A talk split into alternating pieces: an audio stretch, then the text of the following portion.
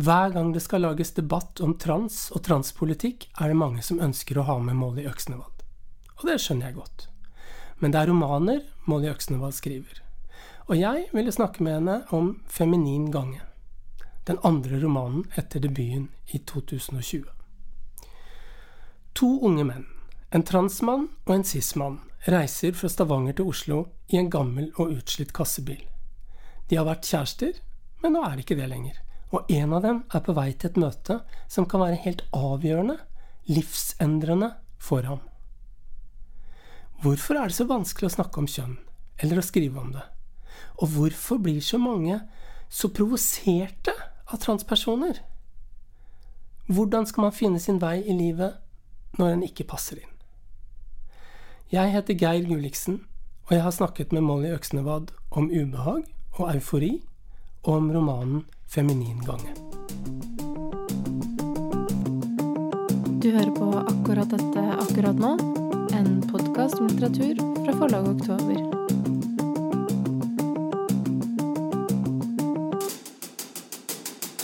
Hei, Molly. Hallo. Hvordan går det? Du er i Det går- Danmark? Det, ja, jeg er i Danmark. Jeg er i Viborg. Uh, det går veldig fint. Føles det langt fra Norge? Akkurat Viborg føles veldig langt fra Norge, fordi det er litt sånn ute på landet. eh, det tar veldig lang tid å komme seg til nærmeste storby. Og så tar det veldig lang tid å komme seg til nærmeste flyplass fra den storbyen. Så det tar meg liksom Det tar meg mellom fem og ni timer å reise til Oslo, liksom. Hvis jeg skal det. Men samtidig så er det jo bare å si til foreldrene mine ta en tur nedom, og så kjører de liksom til Kristiansand og tar ferja, og så er de her på noen timer. Så det, det er litt langt vekke, men det er ikke sånn Jeg føler meg ikke isolert fra landet, Nei. fra Norge. Nei, det er bra. Det føles ikke som om du er isolert heller. Det føles som Nei. om du er til stede store deler av tiden, faktisk. Særlig nå, når du nettopp uh, har utgitt uh, ny roman. Men du, uh, du debuterte i 2020 Ja. med en roman som het 'En sånn rød amerikansk scooter'. Og så, nå i 2022, så kom 'Feminin gange'. Har du, har du liksom hatt en plan for din skriving? Da du hadde utgitt den første romanen, visste du at du skulle skrive denne, 'Feminin gange'?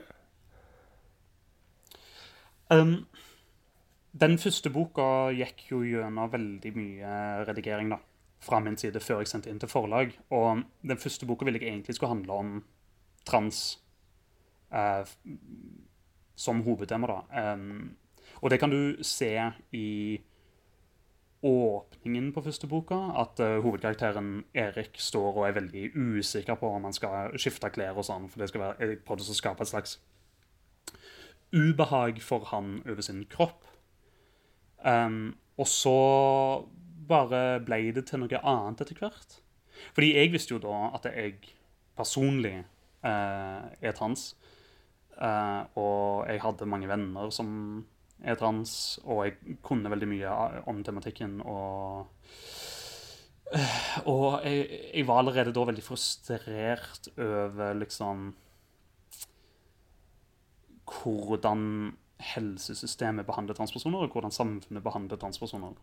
Jeg visste allerede da, uh, når jeg skrev første boka eh, Eller jeg har jo visst siden 2013 at jeg, at jeg er trans, eh, men jeg var ikke liksom ute av skapet da. Og jeg hadde allerede da et behov for å skrive om transpersoner i samfunnet, og hvordan de blir behandla av helsevesenet i Norge.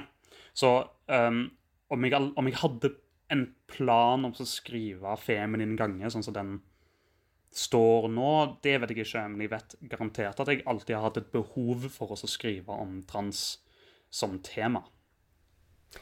Men du sier at uh, du har visst siden 2013 at du er trans.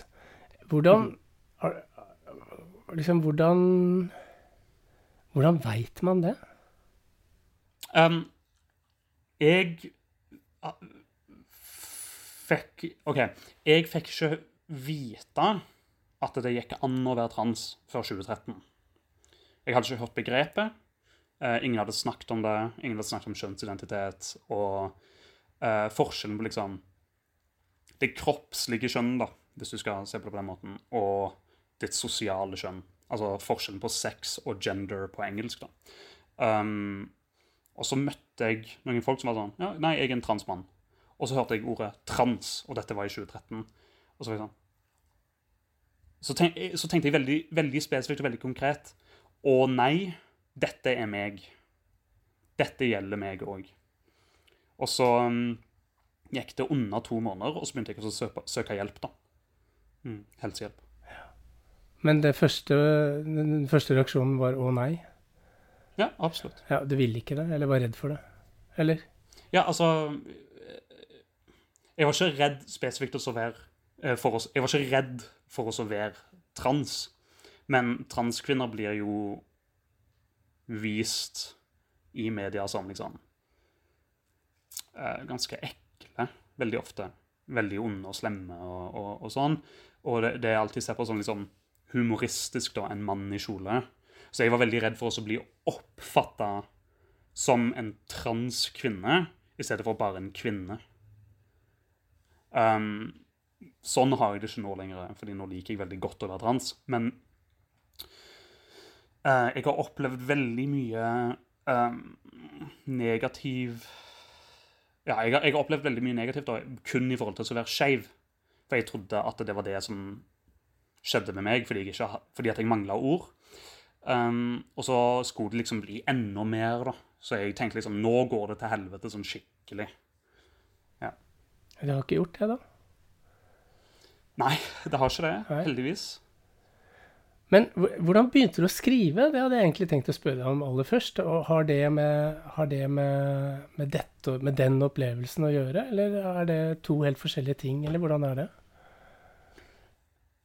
Jeg syns det er en uh, litt sånn interessant historie hvordan jeg begynte å skrive. Fordi jeg har et sånn minne fra andre klasse på barneskolen etter at jeg leste Knerten for første gang.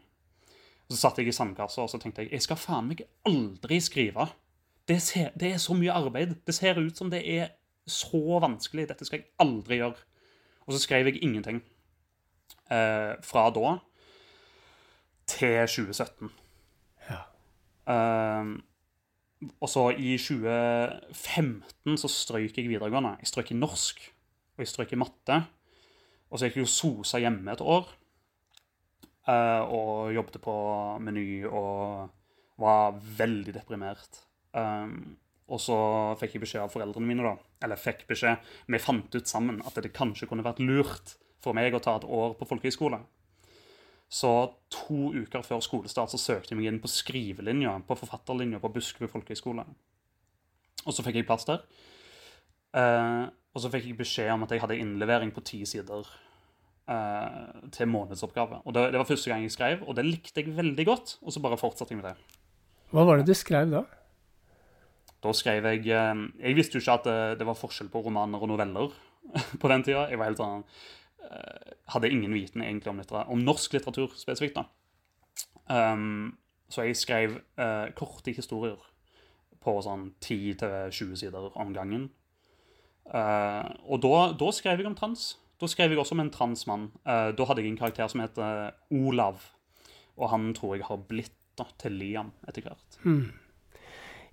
Og der er vi med, ved feminin gange. fordi hvordan Hva vil du si om den romanen? Det er jo en, er jo en slags uh, liksom road-roman. Det, det, det, handler om å kjøre bil, på en måte. Det er en reise, da. Ikke sant? Og det De to som foretar den reisen eh, Jeg vet ikke hvordan du har det.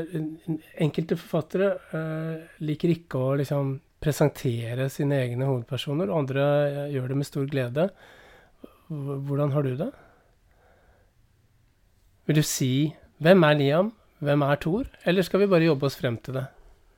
Um, jeg, kan, jeg, kan, veldig kjapt si um, at Liam og Thor er ekskjærester. Liam er transmann, og Thor er cis-mann. Uh, og så bare har en historie Og så er jeg sånn uh, Jeg må bare stoppe deg, fordi um, ja. uh, Jeg tror vi vet hva en transmann er. Hva er egentlig en cis-mann?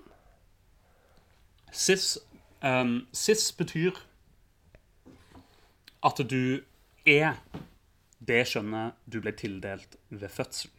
Så ordene trans og cis kommer jo fra latin. da. Så trans betyr på den andre siden av, og cis betyr på denne siden av.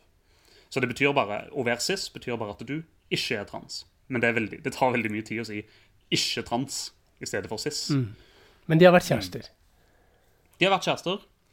Eh, De er ikke kjærester lenger. Og så skal Liam til Riksen for å få hjelp. Og så har han bedt Thor om å bli med. Ja. Og Thor er, er jo på en måte fortelleren her, da, ikke sant? Um, og jeg opplever vel at uh, det er veldig mange ting å si om Thor. Vi må snakke litt om Thor. Men, men det første jeg lurer på, er bare det der Han er han, Er det sånn at han skulle egentlig gjerne vært kjæreste med Liam fortsatt? Tror du det? Eller?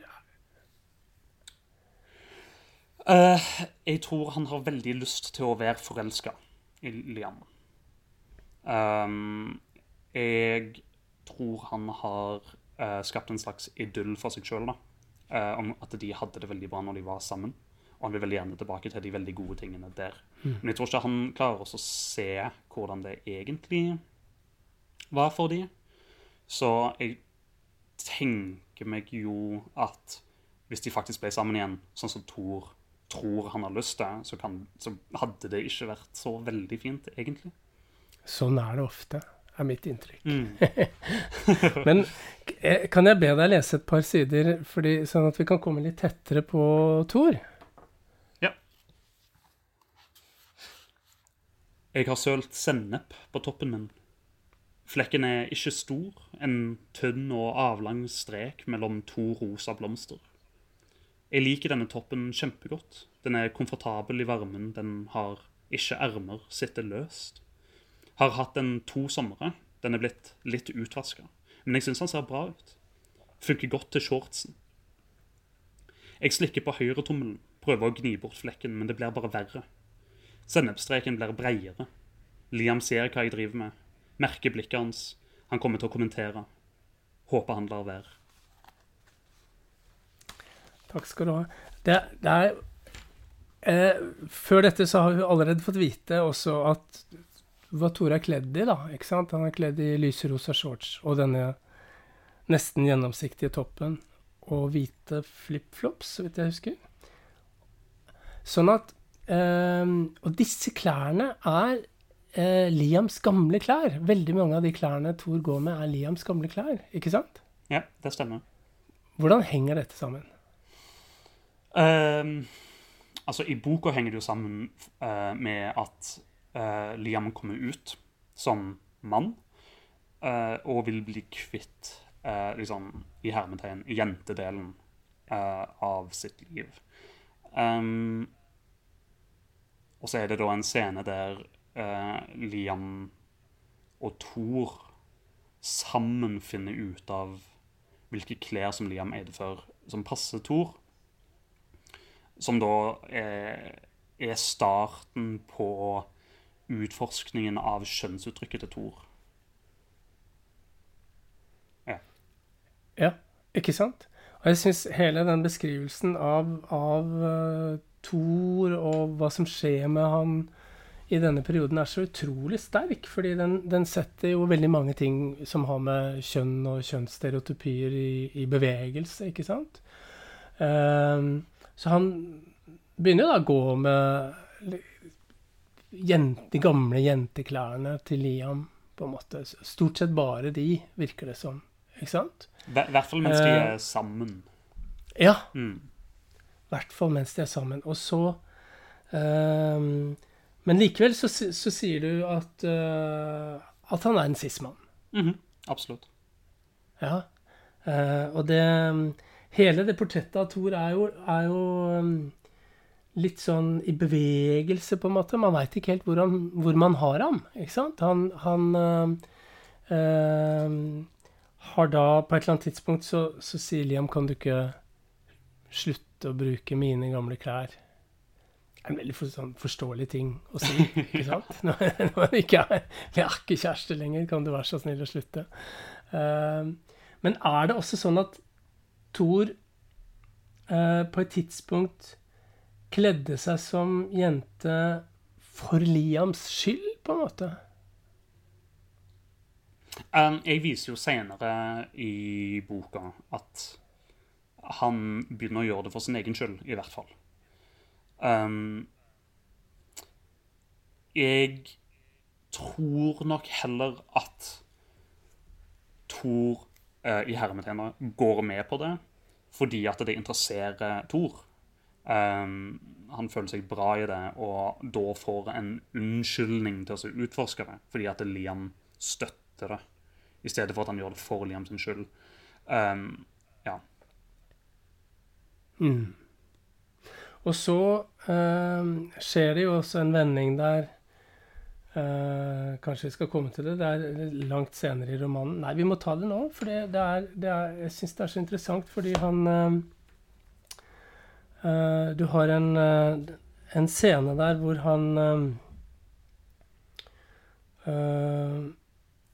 Jeg tror jeg må få deg til å lese det òg, Kan, kan, kan jeg be deg lese en ting til? Absolutt.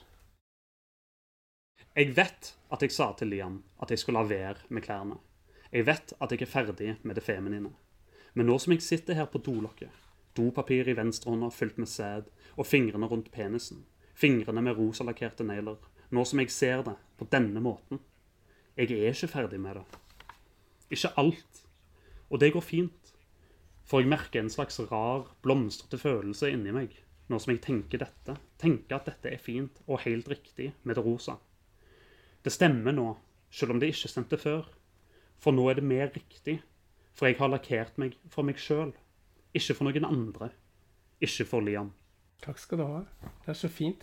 Det der, en, den derre blomstrete følelsen eh, ser jeg at mange har skrevet om. Mange har sitert det. Og det skjønner jeg godt, fordi eh, det er en fantastisk og nesten illevarslende og, og samtidig veldig vakker eh, scene, syns jeg. Og det, Ehm, så er det noe med det derre Tor Thor med neglelakk på fingrene, og så da hånden rundt penis. Og det, det, det uh, Ikke sant? Du kjører sammen noen sånne klassiske kvinnelige uttrykk med det klassisk mannlige, for å si det sånn. Um, det er en veldig sterk og rar scene. Hvordan Hva tenkte ja, jeg vet at sportsfolk blir spurt hva de tenkte når de gjorde et eller annet, men, men hva tenkte du selv da du skrev det? Er, det føles som en viktig scene i, i portrettet av Thor. Ja, hva tenkte jeg når jeg skrev det? Um, jeg var veldig usikker, husker jeg, når jeg skrev dette. Usikker på om jeg egentlig skulle skrive det, fordi det er uh, det er jo veldig mye. Liksom det er sæd og det er penis og Ikke sant? Altså, det er liksom Neglelakk. Og neglelakk. Og det skjer jo rett etter de har ligget i samme seng eh, på et hotellrom. Um,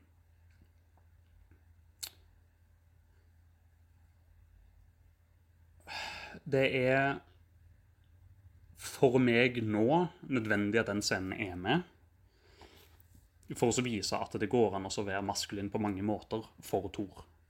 Altså det, han, han, bruker jo femininitet for også eh, spikre sin egen selvsikkerhet mer på plass.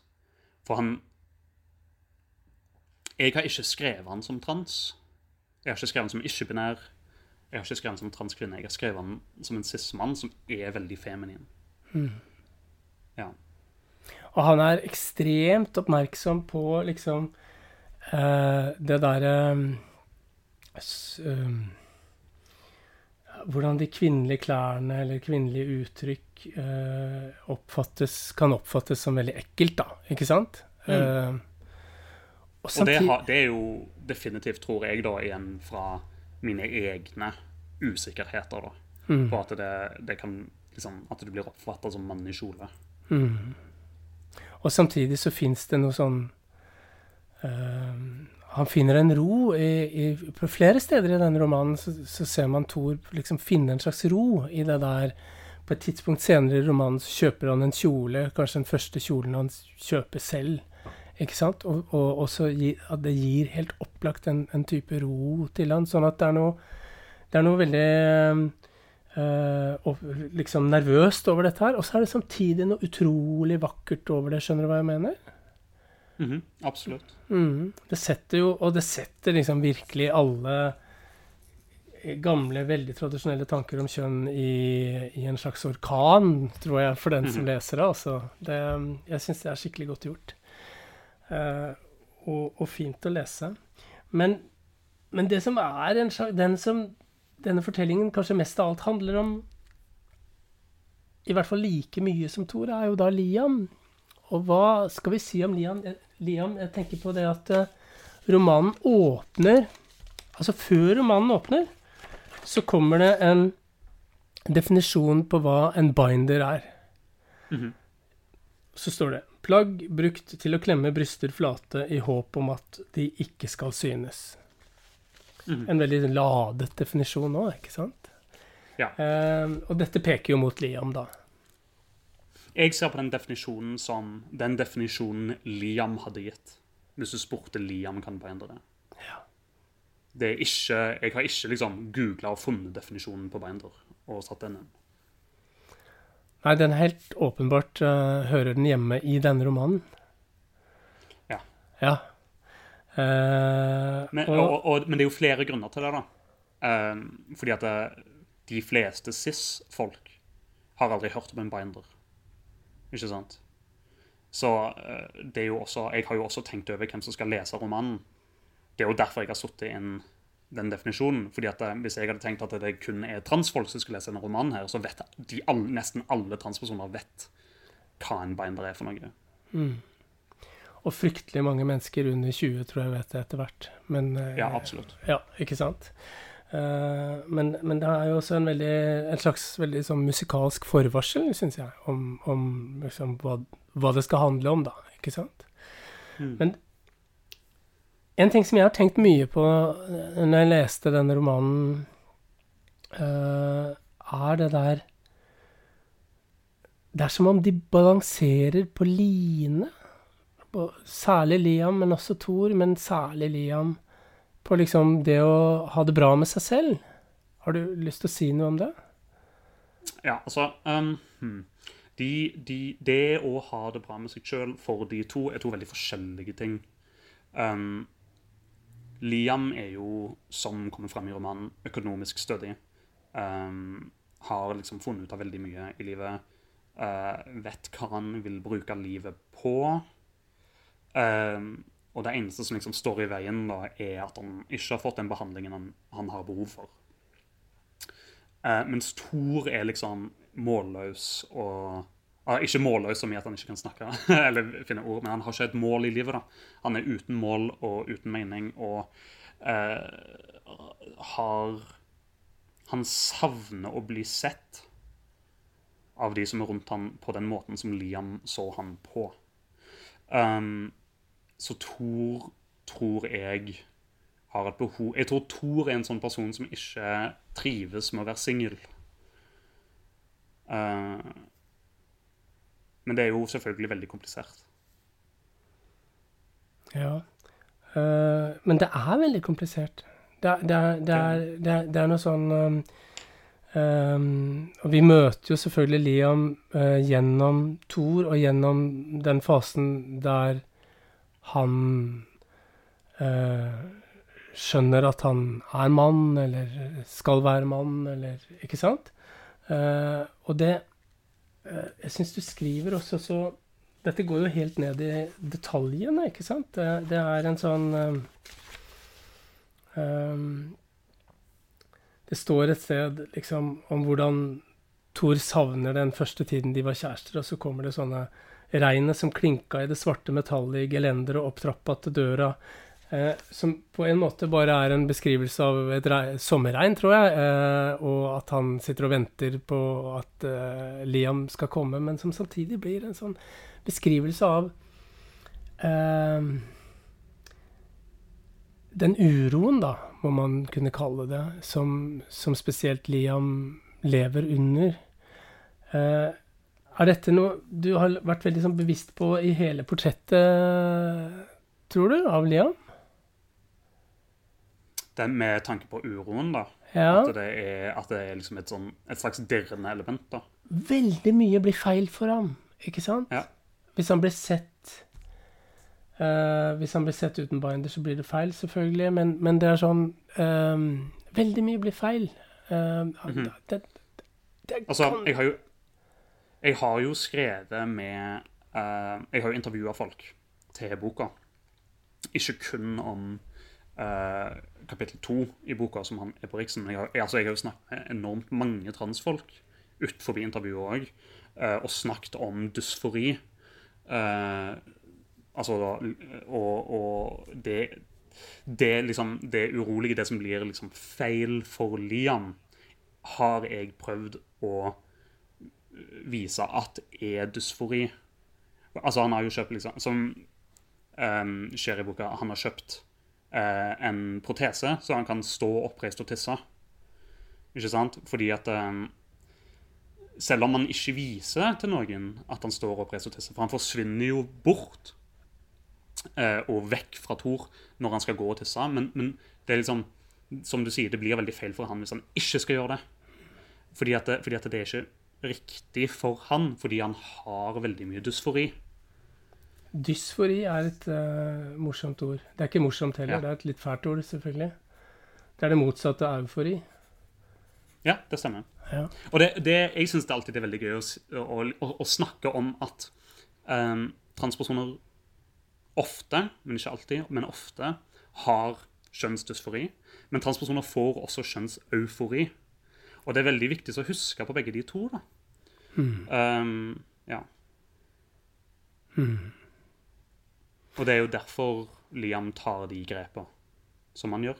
Det er derfor han oppfører seg som han gjør, fordi at han føler på den euforien av og til. Ja. Og det som er prosjektet, er jo at han skal da til Rikshospitalet. Han håper å få den behandlingen som heter Hva er det den behandlingen heter? Jeg eh, nevner jo ingen steder i romanen eh, hva behandling han har lyst på. Nei? Og det syns jeg er veldig spennende, fordi det altså Det jeg har nå eh, lest og hørt litt om folk som snakker om boka, da. Um, og det er noen folk som er, eh, bare antar at det som Liam søker, er total operasjon. Han skal til Riksen for å si 'jeg vil operere alt som heter av genitalia'. Eh, men det er ikke nevnt noe sted. Um, så det er veldig interessant å se hva, folk antar om det. Jeg tror du må lese derfra, ja. Det, det er um, Det er jo et vendepunkt i, i romanen, og vi kan jo ikke få hele vendepunktet, for det bør man helst sitte stille og lese for seg selv. Men, uh, men hvis du kan lese et stykke fra det at de kommer til, til eh, legen på, på Rikshospitalet Ja. Kontoret er bart. Veggene er tomme, grå. Det er ingen hyller, ingen mapper. Kun en pult med en PC, kontorstol bak. To stoler med blå puter foran pulten. Ingen familiebilder. Ingen barnetegninger. Vi skubber bagasjen inntil veggen rett innenfor, mens legen går og setter seg bak PC-en. Vi setter oss. Sola skinner gjennom grå persiennebjelker, lager striper på gulvet over joggeskoa til Liam. Legen legger den hvite ringpermen på pulten, åpner den, finner fram en rød penn fra brystlomma, tar permen og legger den over kneet. Han har høyrebeinet over venstre, vinkler seg slik at vi ikke kan se arka. Jeg heter Mikkel, sier legen. Du er Liam? Han peker, og Liam nikker. Og du, sier legen og ser på meg. Tor, sier jeg. Vi skal kjøre noen spørsmål i dag, Liam, sier legen. OK, sier Liam. Legen tar korken av pennen, lar den ligge på pulten. Er dere kjærester, sier han. Lufta her inne er litt tett. Jeg vil spørre om jeg kan åpne et vindu, men lar være. Vi var kjærester, sier Liam. Slo opp for litt over et halvt år siden. Under et halvt år, vil jeg si, men fortsetter å tie. Er du seksuelt tiltrukket av menn, sier legen mens han noterer. Ja, sier Liam. Og kvinner. Men du har lyst til å bli mann? Ja, sier Liam. Legen skriver. Det er stille litt, så ser han opp, ser på meg. Mens dere var sammen, hadde dere samleie, sier, han. Skal jeg svare? Jeg ser på Liam, som ser på legen. Ja, sier Liam. Vi hadde det. Legen ser bort på han, og så ser han ned på arkene og skriver videre. Dytter de runde brillene lenger opp på nesa. Var du veldig seksuelt aktiv? sier han. Vi lå sammen som et vanlig par, sier Liam. Av og til hver dag, noen ganger kanskje to-tre ganger i uka. Legen ser på meg igjen. Hadde dere penetrativt samleie? sier han. Jeg ser på Liam igjen. Det er svettemerker i armhulene på Pokémon-T-skjorta. Ja, sier Liam. Legen noterer. Liam klyper seg i albuen, men jeg tror ikke legen får det med seg. Du har endra navn og skjønn juridisk, sier legen uten å se opp. Ja, sier Liam. Så sier han, men du, jeg har svart på noen av disse før, da jeg forberedte meg til forrige time sammen med psykologen. Vi bare forsikrer oss om at svarene fortsatt stemmer, sier legen, og noterer noen, noe ganske kjapt i margen. Så kremter han, skubber på brillene igjen. Hva er yndlingsfargen din, sier han. Synes grønt og gult er fint, sier Liam. Hva liker du best, blått eller rosa, sier legen. Liam nøler. Vet ikke, sier han. Begge? Og han fatter det ikke, ser jeg. Han er for stressa, for urolig til å ta et steg bakover inni seg og forstå, forstå at det faktisk finnes et riktig svar. Det riktige svaret er blått. Legen trenger at Liam sier at blått er og har alltid vært yndlingsfargen. Da du var liten, sier legen, lekte du med dukker? Ja, da jeg var veldig liten, gjorde jeg vel det, sier Liam. Og det var ingen problemer med det, sier legen. Foreldrene mine kjøpte Barbie og hester og ponnier til meg, sier Lian. Det var det jeg hadde. Kledde du deg i kjoler og skjørt, sier legen. Ja, før, men jeg slutta helt med det da jeg starta på videregående, sier Lian. Ikke før, sier legen. Begynte å kjøpe mer maskuline klær da jeg tjente egne penger, sier Lian. Da mor slutta å handle for meg. Legen skriver, blar om, sier Da du var ung, lekte du mest med andre jenter eller med gutter? Lekte med ei jente i barnehagen, sier Liam. Vi var gode venner en stund, men vi starta ikke på samme skole, og etter det, i første klasse til femte eller sjette, så satt jeg for det meste alene og tegna. Så du lekte ikke med gutter, sier legen. Spilte ikke fotball. Takk skal du ha, det er helt fantastisk. Fint å høre. Eh, men veldig fælt å høre òg. Hva er det som skjer her, eh, Molly? Mye. Veldig mye skjer her. Um, umyndiggjøring av en transperson. Og transfobi. Og antifeminisme.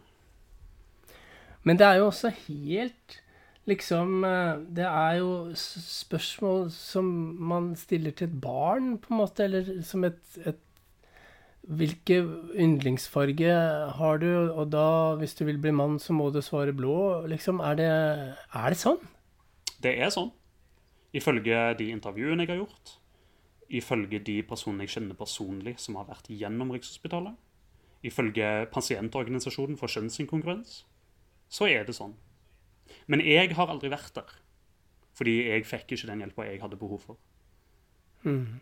Men du har intervjuet eh, en del mennesker før du, mens du skrev dette. her. Du er jo en forfatter som gjør research. Eller som ikke bare gjør research, men du intervjuer folk, rett og slett. Ja. Um, det er veldig viktig å gjøre det med et tema som dette. For det er veldig lett å gjøre veldig mye skade. Um, spesielt i dag, da, når det er så mye antitrans, så mye transfobt i media og i samfunnet, så er det veldig viktig at det er riktig. Fordi hensikten er jo Eller veldig mye av hensikten, i hvert fall, er å vise hvordan det er. Det er jo et av, de, et av målene med romanen. Hmm. Det, er, det er noe veldig provoserende med, med transpersoner, er det sånn? For en del mennesker? Um, jeg tror det er veldig viktig å huske at uh, det er veldig mange som støtter transpersoner. Som er transpositive, som ikke blir provosert av at vi finnes. Men de som får plass i norsk media i dag, i norske aviser, i blader, radio, det er folk som er veldig høylytt negative til transpersoner. Hmm. Og det er de vi ser mest av. Ja, det gir veldig mening. Det, det kan jeg kjenne igjen. Men det, det er jo et veldig sterkt uh, kapittel, dette her, uh, dette intervjuet på, på Rikshospitalet. Um, jeg har sett at noen oppfatter det som liksom veldig entydig, eller veldig sånn Det gjør ikke jeg. Jeg opplever det som et vanskelig kapittel å lese. Det gjør vondt på vegne av, av Liam, selvfølgelig, men også gjør det liksom vondt på vegne av liksom Hvor mye Hvor mye vi famler for å finne et språk for kjønn. Ja. Skjønner du at jeg sier det? Ja, absolutt. Vi mangler språk for kjønn. Altså, Ja. Den mest effektive måten å snakke om kjønn på eh, for, liksom, i vestlige kulturer, er å lære engelsk. Fordi at de har separert sex og gender. sant? Uh, og, og så blir det sånn Altså, kjønnsidentitet og kroppslig kjønn og sosialt kjønn er jo bare kjønn på norsk. Og disse tre ordene er sikkert feil. Uh, altså, de, de, Det er sikkert ikke sånn det, det, det stemmer. fordi det, det som er viktig å huske på, er jo liksom gender. Det som du er inni deg. Det er helt reelt. Og det er separat fra kroppen din. Altså, det er liksom det er bevist at det finnes. Uh, så det er liksom Ja, du, du har helt rett i at vi mangler språk. Fordi at det, det språket vi har, er på en måte ikke kraftig nok. Eller konkret nok til å vise hva vi har behov for å uttrykke. Du gir jo så uten tvil et rikere språk uh, gjennom en roman som dette her, da, må jeg si. Uh, jeg, jeg bare lurer på Det er som om eh, denne romanen også gjør eh, kjønnsstereotypier så tydelige at eh, det kommer noe sånn lekefullt over det. Um, det, på et tidspunkt så sier eh, Eller så tenker da Thor om forholdet til Liam. Så tenker han at eh, jeg savner at han bar posene hvis vi var på shopping. Savner at han betalte før jeg fikk til å reagere. Savner at han selv elska å steppe inn i de forventningene. At han elska den rollen jeg lot ham ha. For jeg likte å nesten være dama hans. Og det vi ser der, er jo på en måte en, en eh, en sånn klassisk kvinnelig måte å være sammen med en mann på, ikke sant? Eh, og hva For meg så er det sånn eh, det, det er for det første veldig klargjørende, uh, men dessuten så er det noe sånn lekfullt over det. Det, det er som om uh, alt blir litt synligere gjennom denne måten å, å, å tenke over alle de kjønnsuttrykkene på, da. Er det sånn du har tenkt det? Um, når jeg skrev liksom Når jeg skrev den scenen, så hadde jeg i hovedsak um, i tankene den uh, tingen som veldig mange transpersoner uh, tror jeg opplever, er at de på en måte har gått glipp av veldig mye før de har liksom kommet ut som seg sjøl. Så jeg, jeg, når jeg skrev den scenen, så tenkte jeg at det var en måte for Liam å ta igjen det han har gått glipp av. At han eh, Jeg vet at jeg sjøl gikk veldig feminint inn når jeg kom ut. At det var veldig sånn uh, Det var veldig viktig for meg at, det, at jeg så veldig feminin ut. Uh, og jeg tror at det absolutt har en effekt på den scenen. da, At, at Liama har det behovet da, for å faktisk steppe inn i de stereotype rollene. Fordi at det er de rollene vi blir presentert gjennom vår oppvekst. Det er de forventningene som blir plassert i oss. Så det er veldig lett, da, tror jeg, for mange å da steppe inn i de stereotyp stereotypiene hvis de har blitt nekta å få lov til å gjøre det veldig lenge. Ja, det gir veldig mening, syns jeg.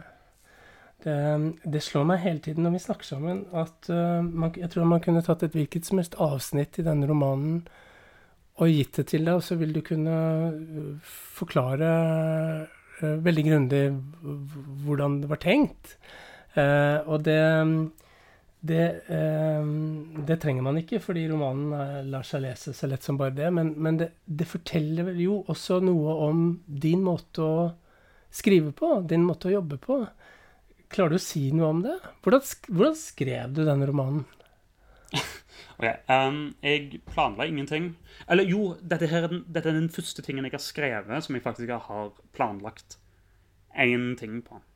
Og, og den tingen som jeg bestemte meg for at jeg skulle ha med, var et møte på Riksen som er realistisk skildra. Um, men bortsett fra det så skriver jeg helt intuitivt uten plan.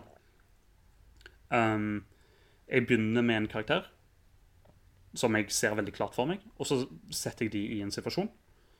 Um, og så bare lar jeg de leve i den situasjonen. da. Um, og jeg skriver med penn og papir òg. Eh, fordi da får jeg flyten til å gå mye bedre. Uh, ingen skjermer liksom rundt meg mens jeg skriver. Er det vanskelig å skrive? Det er kjempevanskelig. Det er dritvanskelig å skrive. Hva er det vanskeligste? Å ikke legge fra seg pennen. Nei, å legge Nei, hva var det jeg sa nå? Hva er det vanskeligste? Eh, det, det vanskeligste er å ikke slippe Nei, oh my god.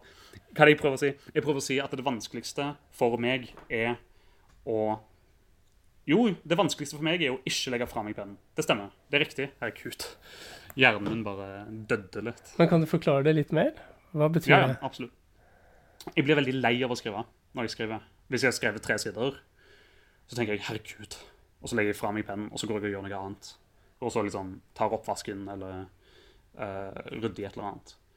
Uh, så det å sitte og skrive veldig lenge om gangen er veldig vanskelig mm. for meg. Så jeg skriver mm. veldig jeg skriver veldig ofte, men veldig kort. Selv om jeg skulle ønske at jeg kunne klare å skrive lenge om gangen. Fordi jeg liker også å være i det. Det kan man merke, fordi man er jo veldig i det når man leser denne romanen.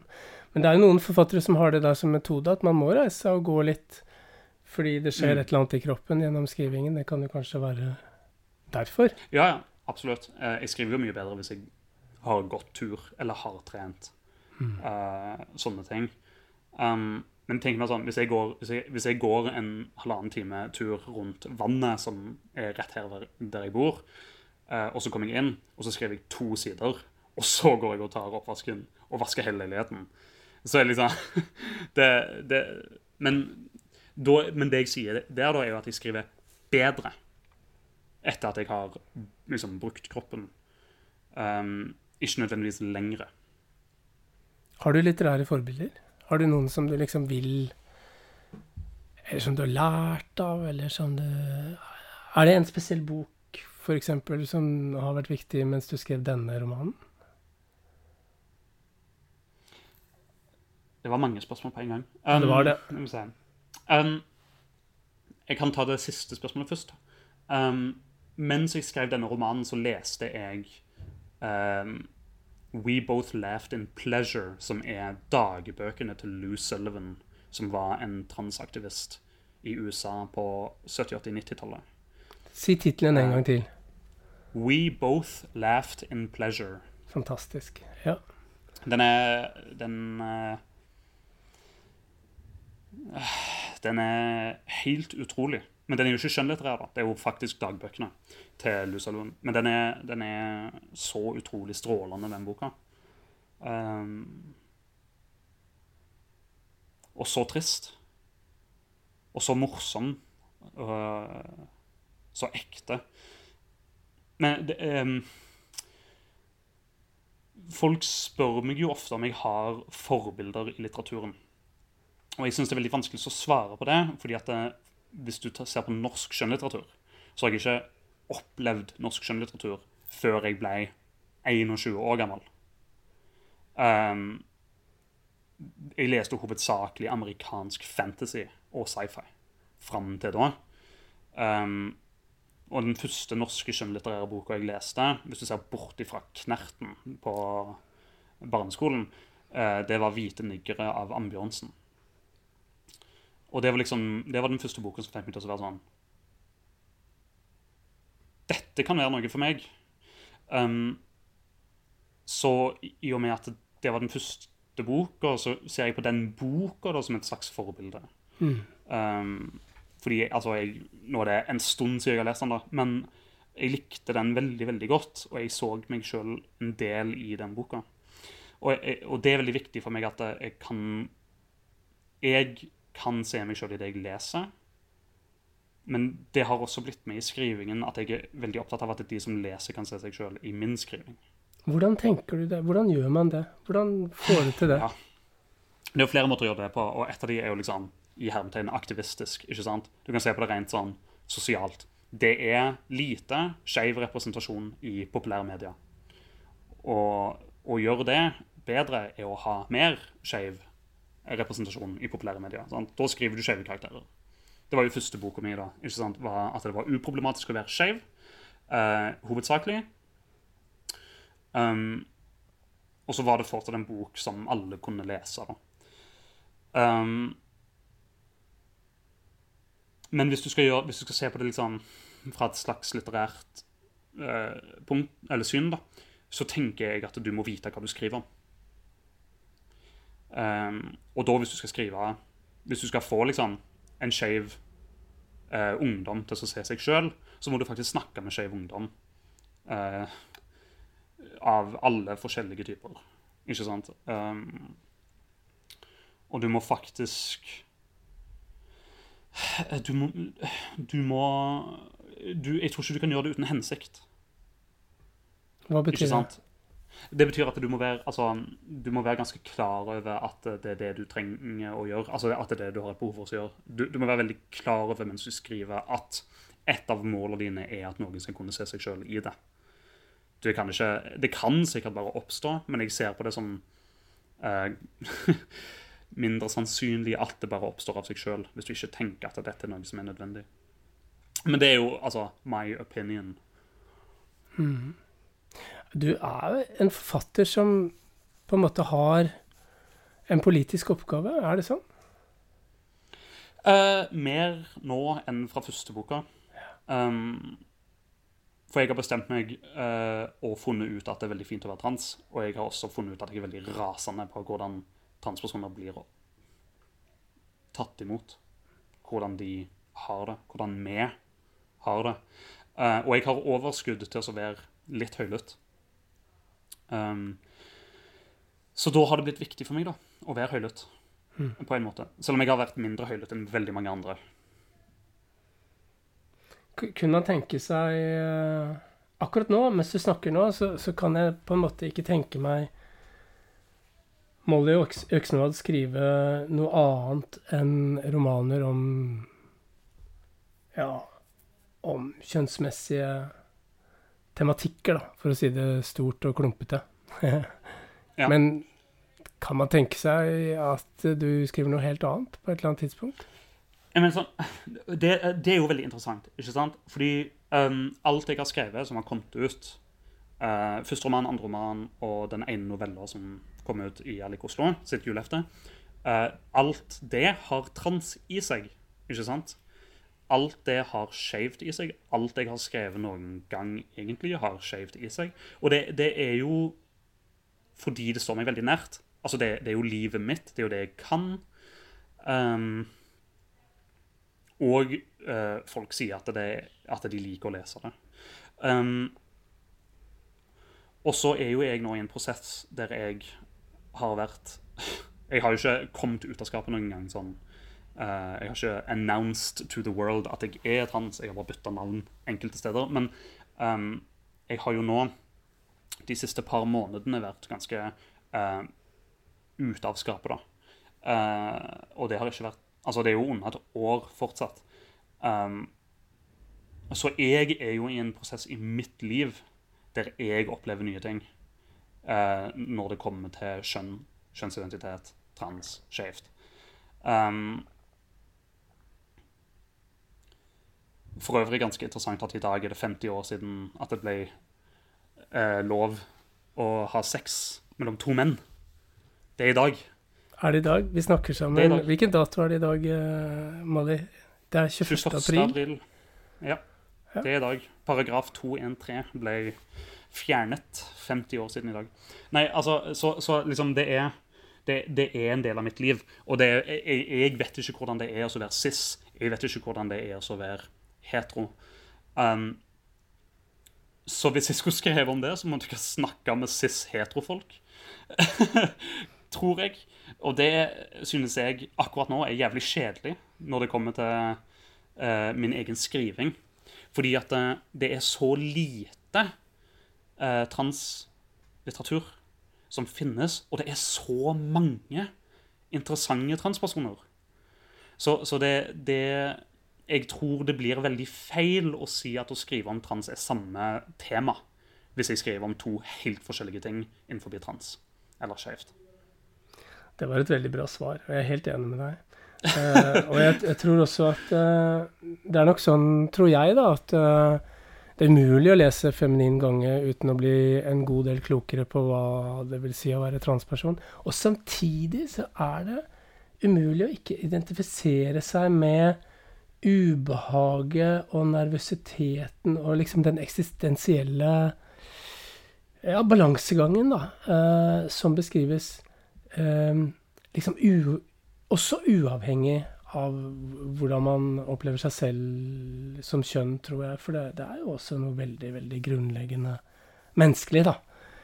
I, der, eh, i det der store ubehaget, syns jeg. Skjønner du hva jeg mener? Ja, jeg tror jeg skjønner hva du mener. Um, jeg tror Altså, jeg skriver jo om ubehag i alt jeg skriver om. Mm. Um, fordi alle har vel følt på ubehag. Og det er en ting som er veldig vanskelig å dele med andre på en måte som gjør at andre forstår. Og jeg tror det er derfor jeg skriver om det. Det tror jeg fullt og fast på at det er sant. Det var veldig fint å snakke med deg. Takk skal du ha. Ja, tusen takk. Lytt til flere episoder av akkurat dette akkurat nå, der du hører på podkast.